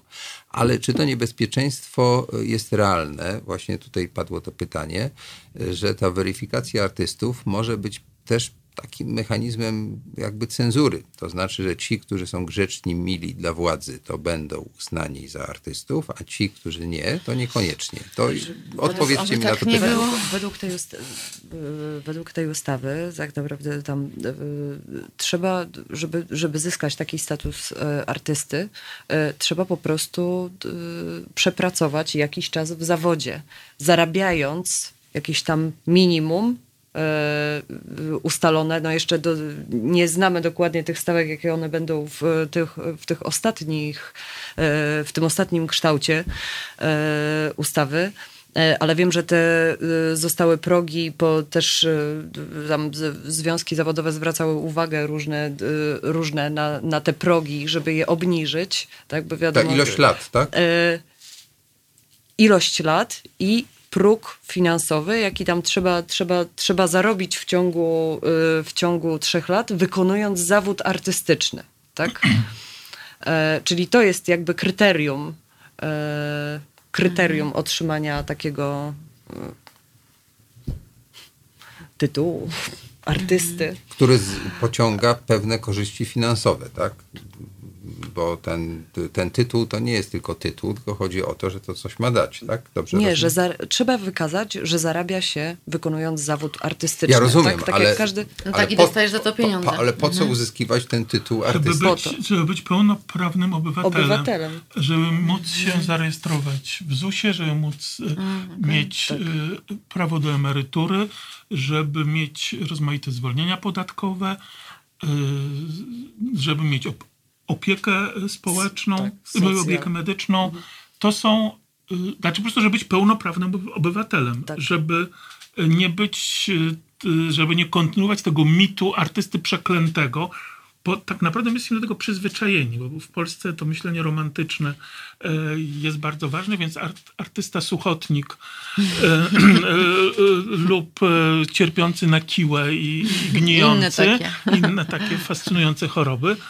Zresztą nasi wielcy, wielcy nasi wiesz, wieszcze przecież Chorowali. tak, chorowali wspaniale, patetycznie, mala, e, malarsko właśnie na te schorzenia. E, no i, i, to się wszystkim wydaje, że jak artysta to ma biedować, to ma y, cierpieć, właśnie ma na tego syfa chorować, no to, to, to jest wtedy artysta. No nie, to się chyba standardy, nie chyba, tylko na pewno standardy życia społecznego, standardy higieniczne, standardy zdrowotne y, się całkowicie zmieniły i naszym punktem odniesienia ma nie być figura artystów pańszczyźnianych, bo byli tacy, to jest fascynujące. W Rosji były tak zwane kripacne teatry, kripacne artysty. Y, teatry były zorganizowane w formie pańszczyzny, to znaczy y, aktorzy, co fascynujące to jest, aktorzy y, byli przywiązani do prywatnych teatrów bogatych ludzi w podobny sposób jak chłopi pańszczyźniani. To znaczy byli po prostu niewolnikami. Ta tradycja, wspaniale, prawda? To mi się to jakby Wspaniale. podoba, tak się uśmiechasz, jakbyś no, Mi ale... się podoba, w jaki sposób Maciej opowiada. To jest tak barwne, wiesz, po prostu, że, nawet czasami, byłabyś gotowa czasami, zostać taką czasami po prostu, artystką wiesz, w takim jestem, To jest artystyczne a, ja, a ja jestem bardzo, a ja jestem głodna i, i złakniona. A jestem bardzo wrażliwy na komplementy ze strony artystek, jako dyrektor. Och, och. Ale i czujny. Ale i czujny. W, w, tym zakresie. Żeby była równowaga, to ja się powstrzymam od komentarza.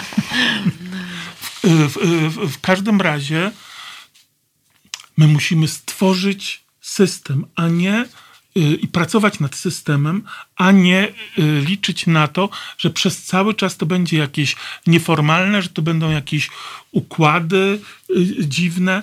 Oczywiście są kraje, w których tego typu relacje zawodowe w instytucjach kultury, w teatrach funkcjonują. I, I, też coś tam się dzieje. Ale ja myślę, że dla nas, tak jak od stuleci, odniesieniem cywilizacyjnym, odniesieniem standardów cywilizacyjnych są Niemcy, Francja, Zachód Europy. I mimo, że sam jestem rusofilem i kocham rosyjski teatr i, i uważam, że jest to absolutnie e, wielka formacja artystyczna i tam i ona pod jej wpływem się, się ukształtowałem, to jednak jeśli chodzi o pewne standardy zatrudnienia, standardy, za, standardy mhm. wynagradzania, y, relacji zawodowych wewnątrz instytucji, to my powinniśmy spoglądać na teatry y, niemieckie. Y, teatry zachodniej Mówisz Europy. straszne rzeczy, tak, tak. naprawdę Ale nie, przerażające. I teatry, i filmy. Ale mają dobre, dobre mają rzeczywiście Jeszcze... po prostu... Um, znaczy niedobrze zorganizowane dobrze związki są zorganizowani, tak. Rzeczywiście te fundusze socjalne pomocy państwa dla, Ale patrzcie też, jak to dla jest, artystów nie? są odpowiednie też związki, które hmm. rzeczywiście pilnują tego, żeby to się wszystko odbywało zgodnie. Ja tutaj miałam ostatnio tylko możliwość pracy y, przy filmie niemieckim. Y, pracowałam i rzeczywiście jak przeczytałam taką umowę, y, ile takich związków zawodowych stoi za mną i za moimi pra prawami y, w razie jakiegokolwiek z producentem y, konfliktu, no to... Poczułaś bezpiecznie. Nie, poczułam się bezpiecznie, wiesz, i, i no pierwszy raz pracowałam w Niemczech, więc, mhm. więc też no, był ogromny, ogromny szok, jak to się bardzo różni od rzeczywistości polskiej. Dobrze, ale słuchajcie, zróbmy małą przerwę, dobrze? Bo mm, chciałem, y, żebyśmy się tak skupili i na ostatni odcinek taką wielką petardę przygotowali, a teraz posłuchamy przez chwilę muzyki. Y, po prostu bądź manam. Halo Radio.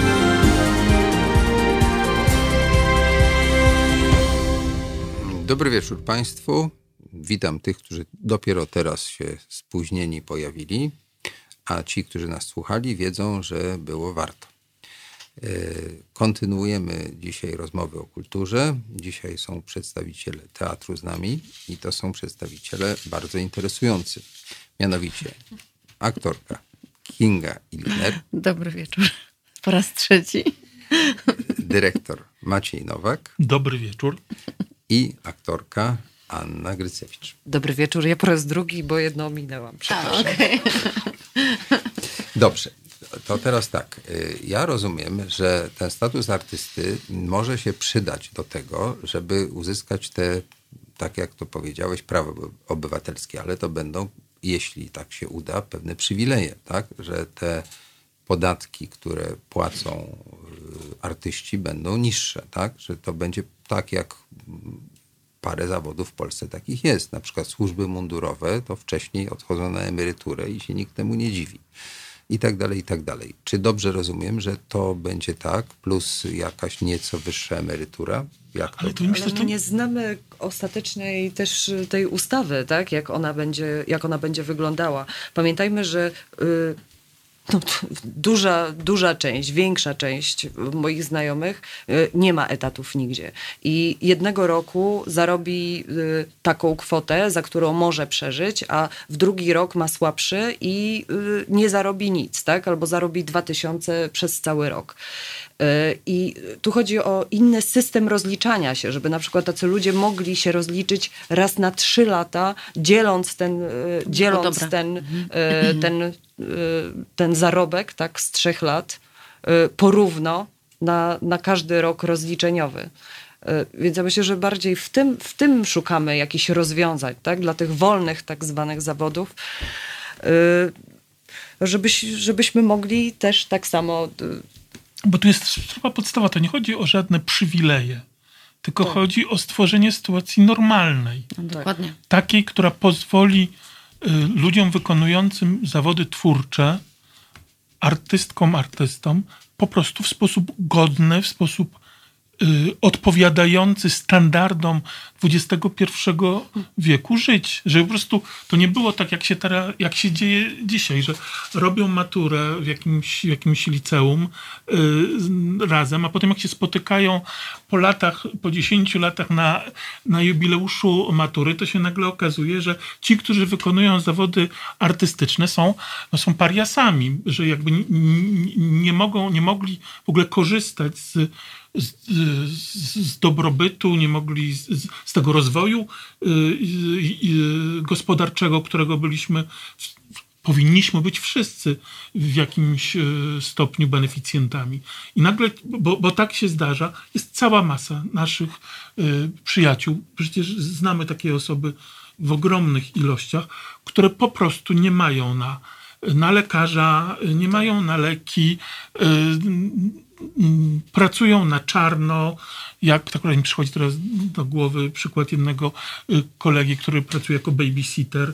Y, Jest wspaniałym aktorem, ale, ale to po prostu na czarno pracuje, i, żeby w ogóle przeżyć, że, że- żeby mogli w, mieszkać w normalnych warunkach, a, a nie tak jak też się spotykam z taką sytuacją, że, że, że, że, że, że, artysta tam dwudziestokilkuletni no, wynajmuje łóżko w, w jakimś mieszkaniu.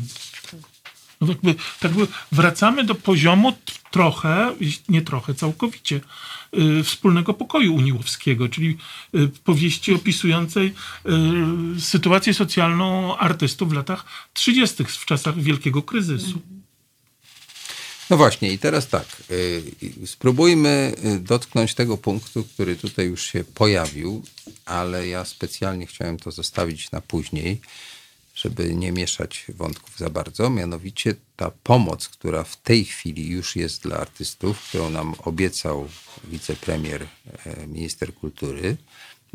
Był taki konkurs, y, ta kultura w sieci. Częściowo tam było 60 bodajże milia, y, milionów y, dla instytucji i NGO-sów i 20 dla artystów. To jakby to oceniacie? Efekty te, te, te, tego konkursu. I forma, kryteria i tak dalej. Czy możecie na ten temat mi coś powiedzieć? Czy tak naprawdę jakie kryteria były, d- to, to chyba nikt tego nie wie do końca. No można Znaczy, są tam- zgadnąć po Są tam efektach. jakieś kryteria, tak? Po owocach poznacie natomiast je. Trudno pozna, po owocach, natomiast te owoce to dopiero zobaczymy. No, d- Tutaj akurat placówki ministerialne w ogóle nie mogły przystępować do tego programu, więc y, jako Teatr Narodowy nawet nie mieliśmy szansy, żeby wziąć udział w takim, w takim tym. Natomiast wydaje mi się, że Ale indywidualnie przy- y, ludzie mogli to y, robić. indywidualnie mogli i, i instytucje wiem, tak, tak, nieministerialne. Tak, tak, i instytucje Czyli my na przykład. tak. No to większość Występ- teatrów, bo ministerialne chyba są trzy sceny, prawda? Narodowy w Warszawie, Narodowy Stary i Teatr Wielki. Koniec, tak? Nie, no jeszcze w, Gd- w Gdańsku. Znaczy jest wiele instytucji współprowadzonych. Tak, jest współprowadzonych jeszcze dużo No, instytucji. też no samych. ale to większość je- jest samorządowa dzisiaj. Plus są sceny prywatne i tak dalej, i tak dalej. No to y, nie wiem, czy... Słuchajcie, znaczy... Y, ja już taką rozmowę w jakimś innym radio odbyłem kilka dni temu i, i oczywiście je, można mieć tysiąc zastrzeżeń do tego, jak te 60 milionów złotych zostało rozdysponowane. Tam są zarzuty, że za dużo instytucje jakieś związane z kościołem y, od, otrzymały wsparcia, a że te pieniądze w ogóle są rozproszone, że to poszło tam na, na coś, pamiętam, 11 tyś, czy 15 tysięcy y, rozmaitych projektów. Tak, pewnie te 60 milionów można byłoby racjonalniej wydać, ale w sytuacji racjonalnej i zwykłej to wtedy bym się bardzo kłócił. Mamy w tej chwili sytuację nadzwyczajną. Mamy sytuację, w której y, cała branża zawodowa znalazła się w sytuacji podbramkowej i y, ponieważ nie mamy wpływów od naszych widzów, y, nie mamy z rozmaitych innych źródeł, nasi pracownicy, nasi koleżanki, nasze koleżanki, nasi koledzy znaleźli się w sytuacji dramatycznej i owszem, część z tych projektów, które, które były zgłaszane do tych programów, być może były naciągane. Być może, gdyby nie była sytuacja nadzwyczajna, gdybyśmy nie mieli stanu wyjątkowego tak naprawdę w kulturze i, i, i w ogóle w kraju, to byśmy tych projekt, projektów pewnie być może nie realizowali. Ale dzisiaj to jest sposób na to, żeby ta ogromna rzesza ludzi, którzy są bogactwem y, naszego kraju, y, którzy y, tworzą rzeczy wyjątkowe, unikalne i to zarówno z tego powodu, że kontynuują tradycje wcześniejszych pokoleń wspaniałych polskich artystów, ale też dlatego, że po prostu są super kreatywni i że bywają konkurencyjni na rynku międzynarodowym, żeby ci wszyscy ludzie mogli przetrwać.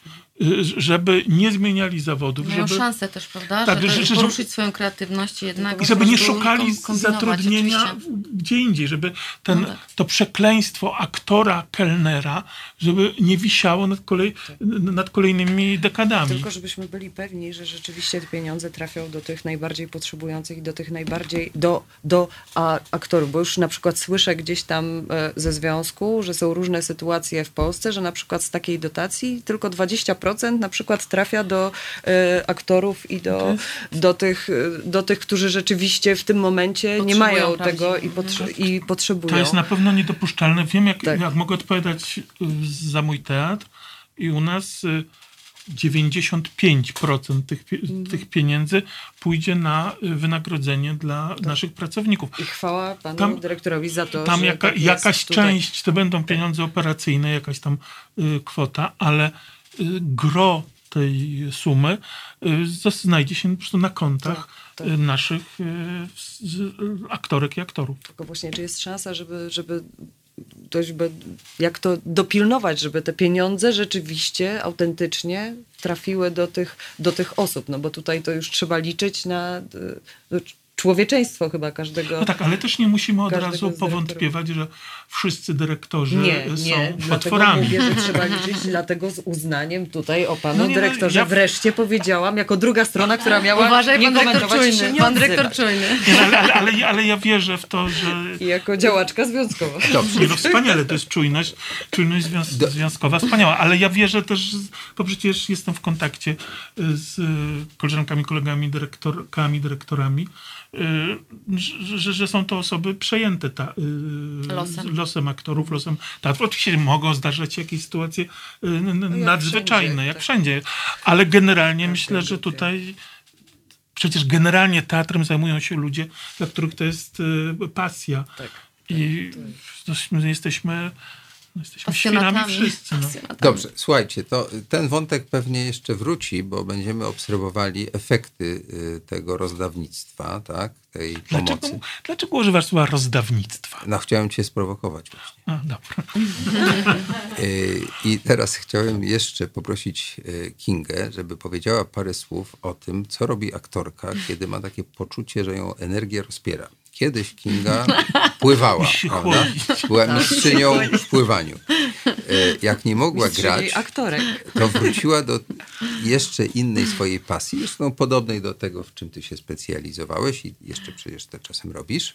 Co nam powie Inga o tej słodkości, którą zaczęła produkować? No właśnie, może dlatego tak milczę po prostu tutaj, że zajęłam się rzeczywiście, koniec. zajęłam, słodycz na koniec, zajęłam się trochę, trochę innymi rzeczami, dlatego też tutaj słucham absolutnie z wielkim wytężeniem i, i to jest niezwykle ciekawe i bardzo ważne, o czym tu mówimy.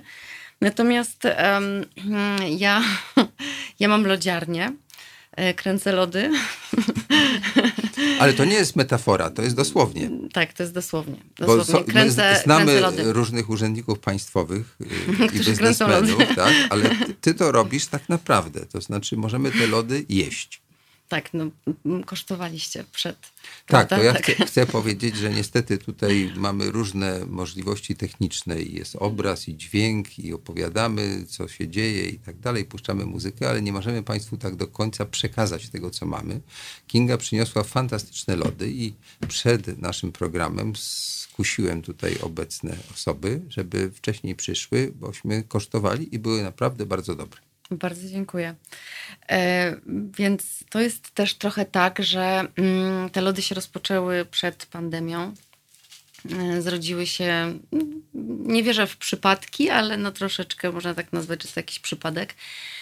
E, ale rzeczywiście ja też jestem takim typem, który jest gdzieś jakiś poszukujący i podróżujący po, mm, po życiu i, i też chyba teatr który jest genialny i wspaniały, jest cudowną przestrzenią, no to e, nie powiem, że nie wystarcza, ale jakby potrzebuję jeszcze, potrzebuję jeszcze doznać em, trochę innego, e, innych aspektów życia. E, i rzeczywiście to jest jakaś moja pasja chyba te, ta, ta lodziarnia i też e, te, to, to, to spotkanie z, z ludźmi. No, wcześniej przed lodziarnią była w ogóle cała knajpa Sweet Bistro w Warszawie. E, e, i, i, jest to też na pewno dla mnie bardzo, bardzo ważne, bo to też daje mi pewien dystans do teatru, co jest dobre e, na pewno. Ten chłód przy lizaniu czy produkowanie?